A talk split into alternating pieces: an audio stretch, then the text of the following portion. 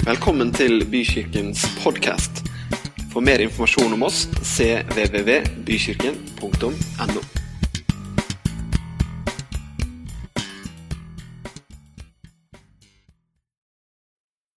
Hvis Bibelens hovedtema skulle vært oppsummert i én setning, så kunne setningen ha vært Jesus Kristus døde for våre synder. Alt annet har utgangspunkt i akkurat at dette skjedde. Vi har nettopp feira påske. Jesu død og oppstandelse er så enormt viktig for hvert eneste menneske at vi knapt kan sette ord på det. At vår tidsregning har et før og etter Kristus, er virkelig å ta viktigheten i Jesu komme til jord skikkelig på alvor. Men hvorfor døde han? Time Magazine utnevnte for eh, noen år siden Jesus til tidenes mest betydningsfulle menneske. Personene var rangert med betraktning i hvilke spor de hadde satt etter seg. Rett etter Jesu tid på jorda så var det en historiker som heter Josefus. Han ble født i år 37 etter Kristus. Og han kom med følgende beskrivelse av Jesus og disiplene hans. Nå var det på denne tiden en vis mann ved navn Jesus, hvis det da er riktig å kalle han en mann, for han gjorde underfulle gjerninger, en lærer av det, folk, av, av det slaget folk med glede mottar sannheten fra. Han trakk til seg både mange av jødene og mange av hedningene. Han var Kristus. Og da Pilatus etter forslag fra de øverste blant oss dømte ham til korset, ble han ikke forkastet av de som først hadde elsket ham. Han sto nemlig opp igjen på den tredje dagen, akkurat som de hellige profeter hadde forutsagt dette og 10 000 andre fantastiske ting angående han. Og den kristne stammen som har fått sitt navn etter ham, er ikke utryddet til denne dag. I, verdens, i, I, verdenskunsten så er det et begrep som heter 'ekke homo. Det er et uttrykk som beskriver bilder av Jesus med tornekrone og purpurkappe. Et motiv som er gjenskapt av mange fremragende kunstnere. Ekke homo betyr 'se det mennesket'. Og ordene er Pilatus sine ord. Vi finner dem i Johannes evangelium kapittel 19. Og det er det Pilatus sier når Jesus igjen blir ført fram for folket etter å ha blitt slått og pisket. Pilatus ser et menneske. Se det mennesket. Et menneske som han ikke kunne finne noen feil ved. Anklagene var mange, men hvor var bevisene? 'Jeg finner ingen skyld hos ham', sier landshøvdingen. I et opprør ledet av sterke religiøse ledere, i rammen av politisk balansekunst, så prøver Pilatus å finne en utvei. Han lar Jesus piskes og håper at det skal være nok. Og igjen kommer Paulus ut, og han sier, 'Dere skal vite at jeg finner ingen skyld hos ham.' Se det mennesket. Yppersteprestene og vaktene ropte 'Korsfest ham! Korsfest ham!' Ta ham, dere, og korsfest ham. Jeg finner ingen skyld hos ham, sa en bedrøvet Pilatus. Et menneske, et uskyldig menneske, det var det Pilatus så. Det er så mange måter å se på. Vår egen tolkning kan lett få en større plass og betydning enn sannheten. Sånn er det definitivt også når det gjelder Jesus. Noen ser Jesus som et moralsk ideal. En historisk person som angivelig skal ha gjort folk friske ved forbønn. Noen igjen kaller han for den første sosialist. Andre en religiøs leder, en lærer med overnaturlige evner, en politisk opprører. eller en religiøs provokatør. Vi er mennesker av vår tid. Vi definerer selv hva som er rett, og vi liker dårlig at noen kaller noe for sannhet. I mange tilfeller så tenker jeg at det er veldig bra at vi selv evner å ta stilling til hva som er riktig, og hva vi vil gjøre. Men det er også en fare at når vi plasserer i kategorier eller setter i bås, så kan det skje at vi ikke får hele bildet med. En som ser noe annet enn Pilatus, er døperen Johannes. Han var budbærer for en som skulle komme etter han, en som var større enn han, en som hadde et større oppdrag enn han. En dag så ser han Jesus komme gående. Og han ser ikke bare et vanlig menneske. Nei, med profetisk innsikt og åndelig klarsyn så utbryter han Se der! Guds lam som bærer verdens synd. Johannes så Jesus som den Jesus er, og det oppdrag han har kommet for å utføre. Det var ikke hans egne tolkninger. Det var ikke 'for meg er Jesus en interessant person med gode idealer', eller 'for meg er Jesus en lærer med fremragende talegaver', eller en mirakelmann. Johannes plasserer ikke Jesus inn i sin egen, egen verden, eller reduserer han til en religiøs figur til bruk ved høytider. Nei, han konstaterer han er Guds lam. Han er den som bærer verdens synd. Alle menneskers synd. Og det er her vi er midt i kjernen. Det er nå vi snakker om det aller viktigste av det viktigste for meg og deg, ja, for alle mennesker. Akkurat nå kan vi legge bort filosofi, teorier, historier og religionsvitenskap. Ok? Og vi spør hvorfor døde han? Jesus kom for å bære bort synd. Synd er det som skiller oss fra Gud, og som hindrer oss i å leve livene våre i en nær relasjon med Han. Du vet hva et synd er? Du vet Et sund det er en sånn undersjøisk dal som skiller ett landområde fra et annet landområde. På tysk så er ordet for synd nettopp synd. Og det er faktisk det synden gjør. Den gjør det samme som et synd. Den skiller menneskene fra Gud. Men hvis du fjerner et synd, ja, hva skjer da? Da blir to landområder. Vestsida og østsida blir ett område. Om synden fjernes eller tas bort, så er det ikke lenger noe som skiller mellom Gud og menneske da er de forsonet. Ved sin død på korset så forsonet Jesus mennesket med Gud. Men hvorfor har Jesus noe med vår synd å gjøre? Kan vi ikke bare holde på som vi vil? Kan ikke jeg passe mine saker, så kan du passe dine saker, og så kan jeg få lov til av og til å såre deg og gjøre deg litt vondt, og så er det greit at du skader meg? Poenget er at ved å leve sånn så gjør vi ting som ikke er bra. Menneskelig sett så er vi mennesker, og vi er fullt i stand til å være gode, til å gjøre godt osv.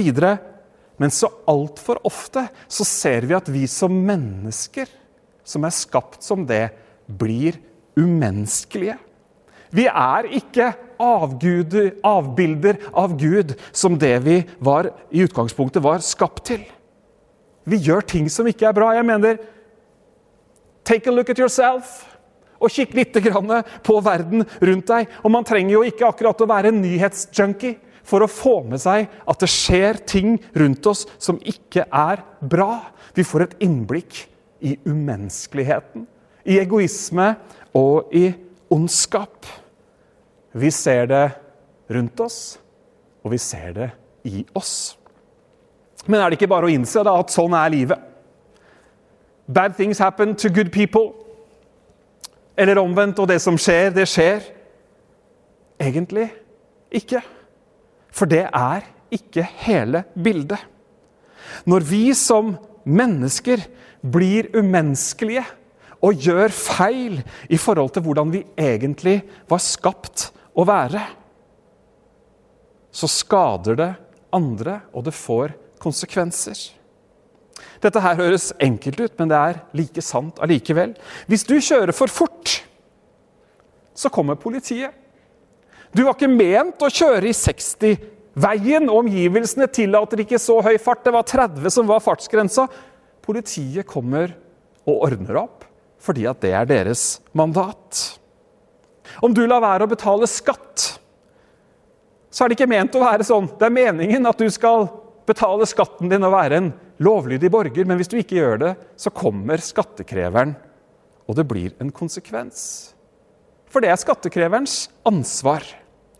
Og akkurat nå, hvis du får påvist koronavirus, så kommer helsemyndighetene til å undersøke hvor smitten kommer fra. Hvorfor? Jo, fordi folkehelsemyndighetenes oppgave er å overvåke folkehelsa og holde epidemien i sjakk.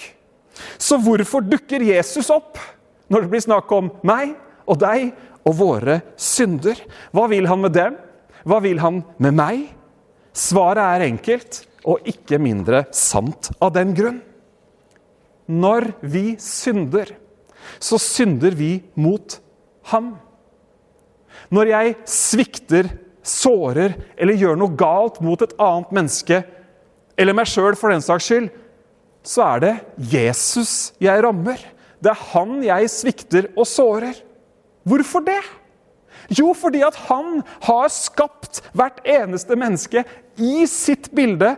Det er det ypperste av, av det skapte som er skapt til å leve i pakt med han. Alle verdens synder rammer, rammet Jesus fordi han har bundet seg til alle mennesker og hele skaperverket. Så det er en selvsagt forbindelse mellom Jesus og meg og deg og våre synder. Sånn er det altså med synden. Synden skiller oss fra Jesus, og det skiller oss fra andre mennesker. Vi lever et annet liv enn det vi faktisk var skapt til. Så er de gode nyhetene at den synden som er som et sund mellom menneske og Gud og andre mennesker, den blir tatt hånd om. Se der, sier Johannes. Der er Guds lam som bærer verdens synd. At han bærer, betyr at han løfter, tar bort og fjerner. Mens mennesker har en tendens til å grave i andres synd og elendighet. Om det er nysgjerrighet eller om det er rein, skjær skadefryd, det vet jeg ikke så er det sånn at Jesus er interessert i våre synder av en helt annen hensikt, med et helt annet mål. Han ønsker nemlig å fjerne de og ta de bort. Han er ikke ute etter hevn, han er ikke ute etter revansj, han er ikke ute etter å få ting tilbakebetalt som vi skylder. Nei, han vil tilgi synden. Han vil ettergi det vi skylder. I Johannes 3 så sier Bibelen at Gud sendte ikke sin sønn for å dømme verden, men for at verden skulle bli frelst ved han. Oi, det her er skikkelig gode nyheter, og det er derfor det heter gode nyheter. Evangelium betyr gode nyheter. Johannes evangelium er altså de gode nyhetene fra Johannes. Matteus evangelium er de gode nyhetene fra Matteus osv. Se der, sier Johannes. Der kommer gode nyheter. Gud selv har sørget for et offerlam. Han har sendt betaling for synd og skyld. Han dør for oss. Han dør i vårt sted. Og han tar bort, fjerner og løfter synden av oss. Hele verdens synd. Guds lam som bærer verdens synd. Et offerlam skulle være et feilfritt lam. Det skulle representere noe av verdi, ikke noe som det egentlig bare var greit å, å kvitte seg med. Jesus var feilfri. Han var uten synd. I 2. Korinterbrev 5,21 så står det Han som ikke visste av synd, har han gjort til synd for oss, for at vi i ham skulle få Guds rettferdighet. Johannes ser Jesus og sier at han der, han er Guds lam. Han bærer verdens synd. Og han snakker om hensikten med hvorfor Jesus kom til jorda. Han skal ta bort det som skiller skapningen fra skaperen, synden. Han skal ved sin død og oppstandelse forsone mennesket og Gud. De bortkomne sønner og døtre skal gjenforenes med sin far. Jeg vet ikke om du ser på Tore på sporet, men for noen uker siden så var det en historie om en dame som etter at foreldrene døde, fikk greie på at hennes biologiske far var en helt annen enn den hun hele livet hadde kalt far. Tore tar selvfølgelig saken, han er jo på sporet. Og de finner hennes biologiske far. Og de finner også brev som hennes biologiske far har sendt til hennes mor opp gjennom årene. Så det slekt og venner har hørt om en mann som ikke ville ha noe med resultatet av ungdomsforelskelsen å gjøre, det er ikke sant. Det bekrefter brev, brevene, og ikke minst så bekreftes det av responsen hennes far kommer med når, de, når han spores opp. Og det var utrolig rørende å se. Jeg må innrømme at det var mer enn én tåre som trilla fra øyet den kvelden. Når han møter dattera si, så overøser han henne med kyss og klem og så mange kjærlighetsord og erklæringer at denne voksne dama vet nesten ikke hvordan hun skal ta det, ta det imot. og det liksom, Dette blir litt for store porsjoner. Og så uttrykker han at han hele livet har ventet på og håpet på at denne dagen skulle komme, da de blir gjenforent. Det var dette Jesus gjorde. Det var denne veien han åpnet ved å fjerne synden som hadde skapt et skille. Du og jeg, vi er gjenforent. Vi har fått adgang til Faderen. Men det som er, er at det er én ting å ha fått adgang. Noe annet er å benytte adgangen. Jesus har forsonet verden med Gud. Han har fjernet synden. Men for at det han har gjort, skal bli en realitet i livet ditt eller i livet mitt, så må vi ta imot det han har gjort for oss. Du vet, om du er syk, og legen din gir deg resept på en medisin som kurerer sykdommen, så er det først når du henter medisinen på apoteket og begynner å ta medisinen, at sykdommen, helbredelsen av sykdommen begynner. På samme måte så er det sånn at det er når du tar til deg Jesus, at forsoningen finner sted. Da vil en prosess starte, og dag for dag så vil syndens symptomer, om du vil, bli mindre. Og du vil bli gjenopprettet til en god åndelig helsetilstand. Som vi snakka om forrige søndag, så lever vi i en verden hvor ting er forgjengelig. Og det har selvsagt sine sider. Men i ditt åndelige, innerste menneske så har det skjedd et avgjørende vendepunkt. Du er ikke lenger dømt i din synd, du er fri, og du er en ny skapning med et enormt potensial som Gud har gitt deg. Konsekvensen av synd er alvorlig. Synden som skiller oss fra Gud, gjør oss åndelig sett døde. Men når vi tar imot Jesus, det er Guds gave som vi får gratis. Det er ufortjent. Det er bare av nåde. Da skjer det at vi blir født på ny.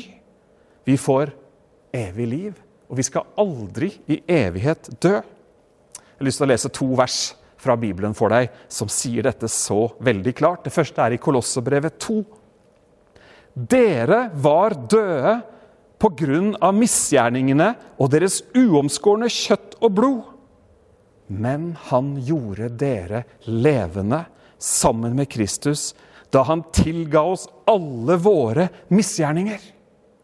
Og i Romerbrevet kapittel 6 og vers 23 så står det syndens lønn er døden, men Guds nådegave er evig liv i Kristus Jesus, vår Herre.